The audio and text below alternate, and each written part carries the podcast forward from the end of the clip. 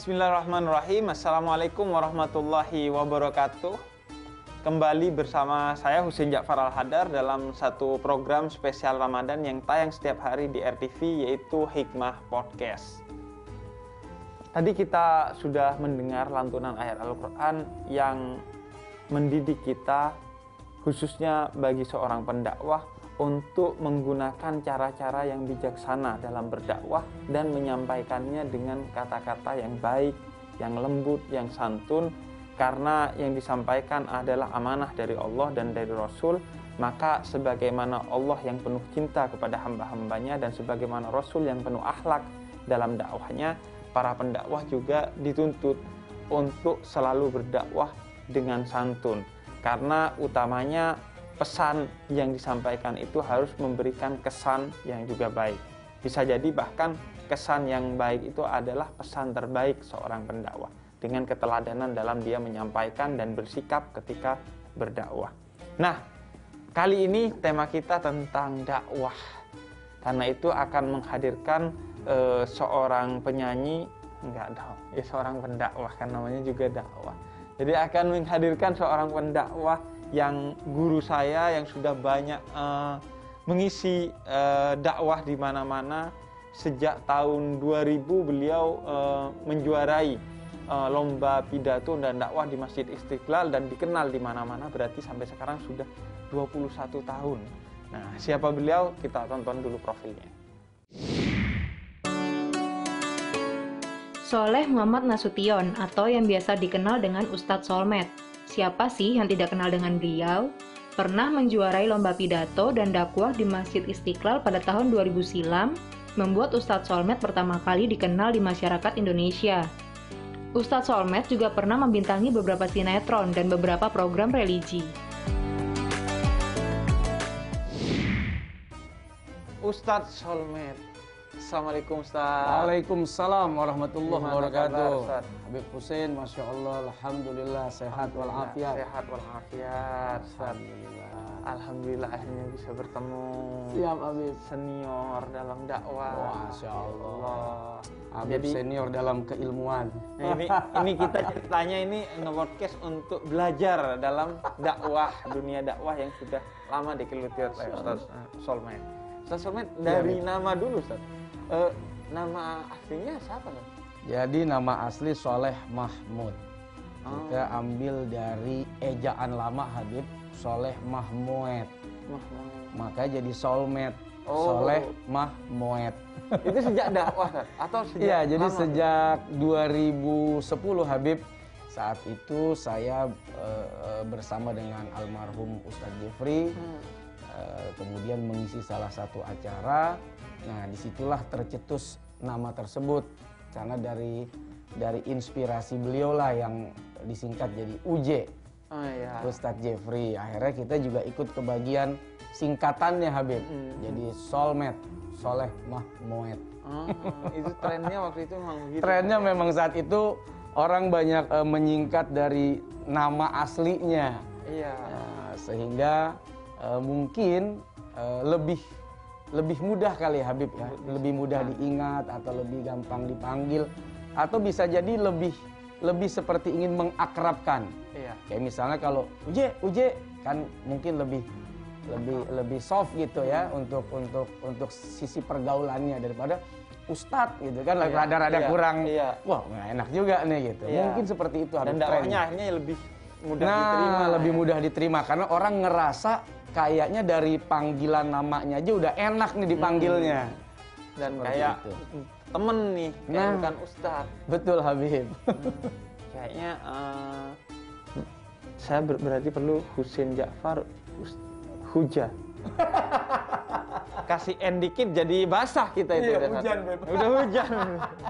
Zat, uh, ya, berarti Habib. itu tahun 2000 Zat, menang Ya, 2000 Habib, Alhamdulillah saat itu saya mewakili pondok pesantren yang saya eh, belajar di sana, Asidikia, eh, menjadi utusan eh, lomba pidato ceramah sepondok pesantren Indonesia. Se-Indonesia. Se-Indonesia waktu itu Habib, yang eh, lokasinya di Istiqlal. Nah, saya waktu itu tidak berpikir untuk menang Habib, karena uh, saya dari dulu dan kita semua biasanya kalangan santri lebih kayak apa namanya khidmat ya iya. kepada kiai atau kepada pesantren. Ya sudahlah khidmat saja sudah yang penting ini perintah pesantren, perintah kiai saya jalani. Apa pun hasilnya ya saya tidak tahu. Wallahu a'lam. Yang penting saya sudah berkhidmat. Ternyata dengan izin Allah Habib menang gitu loh. Juara satu. Juara satu.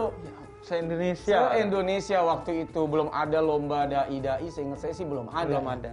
Aha.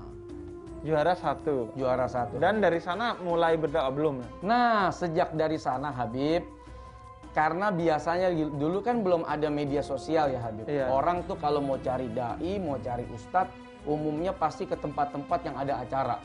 Panitia tuh biasanya tuh gerilya. Kalau di satu musola ada acara, mereka datang. Satu masjid ada acara, mereka datang. Termasuk mungkin uh, di lokasi saya uh, lomba, lomba itu. itu bisa jadi ada panitia-panitia beb hmm. yang kemudian dia lihat nih, wah ini boleh nih diundang.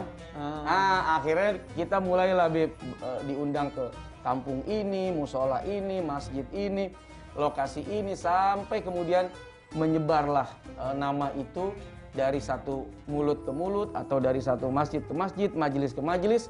Nah sampai akhirnya alhamdulillah 2000 10 itulah saya saya uh, 2000 ya 2009 kurang lebih saya berjumpa dengan almarhum Uje dan 2010 saya baru mulai diperkenalkan uh, dengan TV. Dengan TV melalui almarhum Uje. Iya. Itu berarti pertama ketemu uh, Ustadz Uje di mana dan kapan, Ustaz? Ya, waktu itu Habib saya seingat saya ya saya ceramah di daerah uh, Gajah Mada. Hmm. Gajah Mada Jakarta apa itu? Barat ya?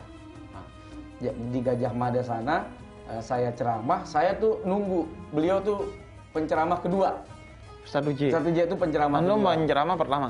Saya pertama. Hmm. Jadi sambil menunggu beliau, saya pertama. Ya boleh dibilang kalau petinju mah ini petinju kelas bulu dulu yang maju. Iya. Nah, kelas bulu kelas berat. sambil menunggu kelas berat ya kan. Nah di tengah perjalanan saya sedang ceramah, beliau datang. Ah. Gitu kan, Beb datang Nah habis itu saya mau berhenti sebetulnya karena udah datang nih intinya gitu. Tapi ternyata beliau bilang eh, lanjut. Hmm. Akhirnya saya dapatlah beberapa menit di hadapan beliau. Nah sejak saat itu kita kemudian bertukar uh, nomor hmm. HP sampai kemudian lanjut ke pertemanan, persahabatan.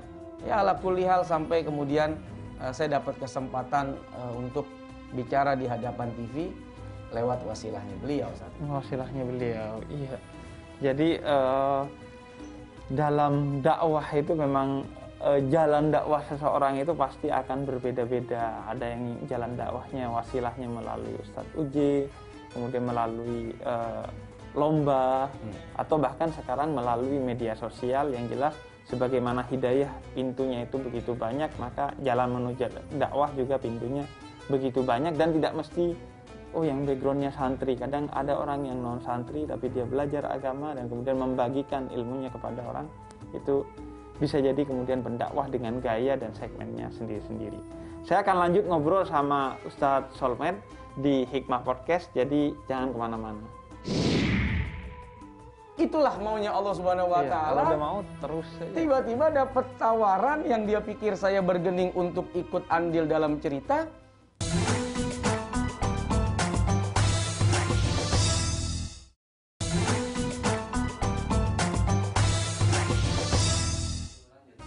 Ya kembali bersama saya Husin Jafar Al-Hadar dan saya ditemani oleh Ustadz Solmed. Ya, Ustadz Solmed, berarti hmm. pertama kali masuk TV tahun 2010 itu kan? 2010 akhir Habib, uh, saya masuk diajak oleh almarhum Uje mengisi salah satu program beliau. Durasinya tidak lama, hanya tiga menit. Tapi tiga menit itu kemudian uh, Allah takdirkan jadi panjang. Jadi istilahnya gini Habib, saya berpikir saat itu ya bintang tamu ya Habib ya hari ini bintang besok ya tamu lagi gitu. Kan nggak kepikiran apa-apa. Karena tiga menit Habib. Tiga menit itu apa sih yang dilihat apa sih yang didengar dan apa sih yang jadi perhatian gitu kan. Nah ternyata tiga menit itu kalau Allah mau berkehendak dia bisa menjadi sesuatu. Nah dari situ akhirnya TV tersebut e, memberikan kesempatan saya berkali-kali. Sampai akhirnya 2011 saya dapat kesempatan untuk main sinetron Habib. Waktu itu pesantren rock and roll. Nah, pesantren rock and roll satu perjalanan kisah yang menceritakan anak-anak santri yang bandel-bandel masuk ke pesantren dan saya jadi gurunya. Oh. Nah, di, di, di, di, di program sinetron itu ada dakwahnya Habib. Nah, mungkin dari situ orang mulai kenal bahwa, oh ini kayaknya gitu ya, bukan sekedar pemain sinetron nih. Tapi ini kayaknya emang bener-bener ustadz nih gitu kan. Nah, sampai akhirnya orang mulai kenal, mulai tahu ya tentang uh, dakwah yang saya jalani. Dan katanya ketemu jodoh juga di sana. ya seperti halnya rezeki, maut, termasuk jodoh Habib. Uh, kita tidak pernah ada yang tahu. Saya untuk sinetron ini aja Habib, dua kali saya tolak, saya nggak mau sebetulnya. Hmm. Nah, satu, saya tidak biasa takut nanti kenapa-napa kan? Iya. wah main sinetron. Saya belum pernah main. Takut khawatir nanti. Saya tidak bisa saya tidak paham. Yang kedua saat itu saya tolak karena uh, saya belum izin kepada uh, para guru. Hmm. bagaimana nih? Saya main boleh atau tidak? Iya. nah akhirnya uh, begitu sudah saya tolak saya izin dapat izin nih Habib. Waduh. Mana saya udah tolak gitu kan? Uh, uh. oh ya sudahlah Eh ternyata datang lagi Habib tawaran itu. Hmm. Ayo Pak Ustadz tolong. Nanti Pak Ustadz bisa bantu revisi. Pak Ustadz bisa memberikan masukan dan lain sebagainya. Dia pikir saya menolak tuh karena bargaining itu Habib. Iya. Ternyata Masya Allah. Itulah maunya Allah Subhanahu wa iya, taala. Udah mau terus Tiba-tiba dapat tawaran yang dia pikir saya bergening untuk ikut andil dalam cerita. Akhirnya karena izin sudah didapat, saya terima. Begitu saya ikuti kisah perjalanan sinetron ini, ternyata memang ya dalam tanda kutip dipaksa memang harus berjodoh sama April Jasmine hmm. Habib. Kalau nggak main sinetron, mungkin jodohnya bukan itu kan Habib. Nah, saat uh, sekarang itu kan uh, setelah era TV dan era Ustadz Uji dulu kan ya. anak muda itu kan era baru kayaknya yeah. ya oh, anak muda hadir di panggung-panggung dakwah mm -hmm. setelah almarhum Zainuddin Betul. MZ lah ya era barunya Ustadz Uji dengan anak mudanya nah sekarang itu kan ada tren baru mm. yaitu tren dakwah di media sosial mm. nah dan kayaknya Ustadz uh, Solmed pas banget dari namanya aja Ustadz Sosmed sosial media iya jadi gimana tanggapannya tentang itu Ustadz? ya kalau kita memandang Habib bahwa eh, televisi, media sosial apa pun itu pada prinsipnya sama. Dia menjadi alat untuk menyebarkan informasi. Baik informasi yang benar-benar atau informasi yang tidak benar. Nah, hanya saja memang kalau TV dia punya punya eh, filter yang sangat ketat dan kuat. Itu kan ada ada ada eh, apa namanya pemantaunya, penyaringnya, ada hmm. KPI misalnya. Nah, beda dengan sosial media. Hmm. Nah, terlalu banyak berita-berita yang uh, bisa jadi kurang baik, kurang uh, enak, kurang jelas. Nah, karenanya para dai, para para mubalik, para ustadz, para kiai jangan tinggalkan ini. Kalau tidak bahaya ini media sosial kalau kita tidak masuk ke dalamnya. Bisa jangan nanti media sosial dipenuhi oleh hal-hal ah, kemaksiatan, hal-hal yang tidak tidak layak, uh, hoax dan lain sebagainya. Nah, sementara kekuatan media sosial juga dalam menyebarkan informasi begitu kuat dan masif. Maka ini adalah ladang untuk kita ambil bagian di dalam dakwah dan menyebarkan agama Islam yang rahmah, yang baik, yang santun, yang semua bisa sampai uh, ke lapisan yang paling bawah sekalipun.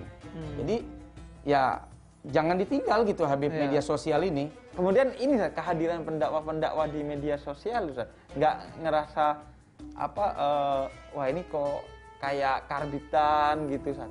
Kalau ya. antum melihatnya. Sebagaimana tadi yang saya sampaikan Habib, siapa pun orang bisa menjadi apa pun di media hmm. sosial karena tidak ada filter kan, iya. tidak ada pemantau. Hmm. Nah, jadi mau yang bukan ngerti agama juga bisa seolah-olah paham agama. Benar. Mau yang tidak pernah sekolah agama juga bisa didandanin layaknya ahli agama. Betul. Nah, mau yang tidak paham sekalipun bisa berkomentar apa pun di media sosial. Nah, tinggal pandai-pandai semua para pemirsa penikmat medsos dengan smartphone-nya. Namanya juga smartphone, handphone cerdas. Maka jangan sampai handphonenya lebih cerdas Dari daripada orangnya. pemakainya, daripada orangnya. Sehingga tidak mudah tertipu, tidak mudah gampang menerima informasi apa pun yang lewat dari media sosial. Iya, jadi media sosial itu semacam ladang, ya tergantung kemudian kita menanamnya apa. Mm-mm. Kalau menanam eh, ganja misalnya atau sesuatu yang haram ya jadi haram gitu. Tapi ketika kita menanam padi untuk kita berikan kepada orang yang membutuhkan atau me- menjadi sumber makanan bagi banyak orang ya itu artinya berpahala. Jadi lagi-lagi seperti yang Ustaz, Sol- eh, apa Ustaz Solmed sampaikan bahwa tergantung kemudian bagaimana kita menggunakannya dan kita sebagai seorang muslim dididik oleh Nabi untuk bertanggung jawab.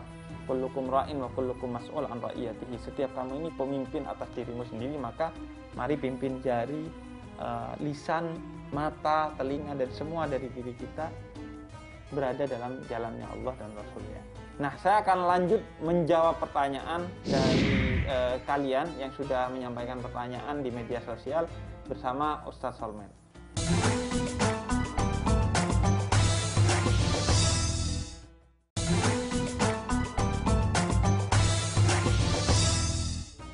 Ya kembali bersama saya Husein Jafar Al-Hadar dan saya ditemani oleh Ustaz Solmed. Kita akan membacakan pertanyaan yang kalian sampaikan melalui media sosialnya RTV yaitu @langit_rtv. Jadi buat kalian yang mau tanya-tanya nanti bisa di media sosial @langit_rtv di semua media sosial.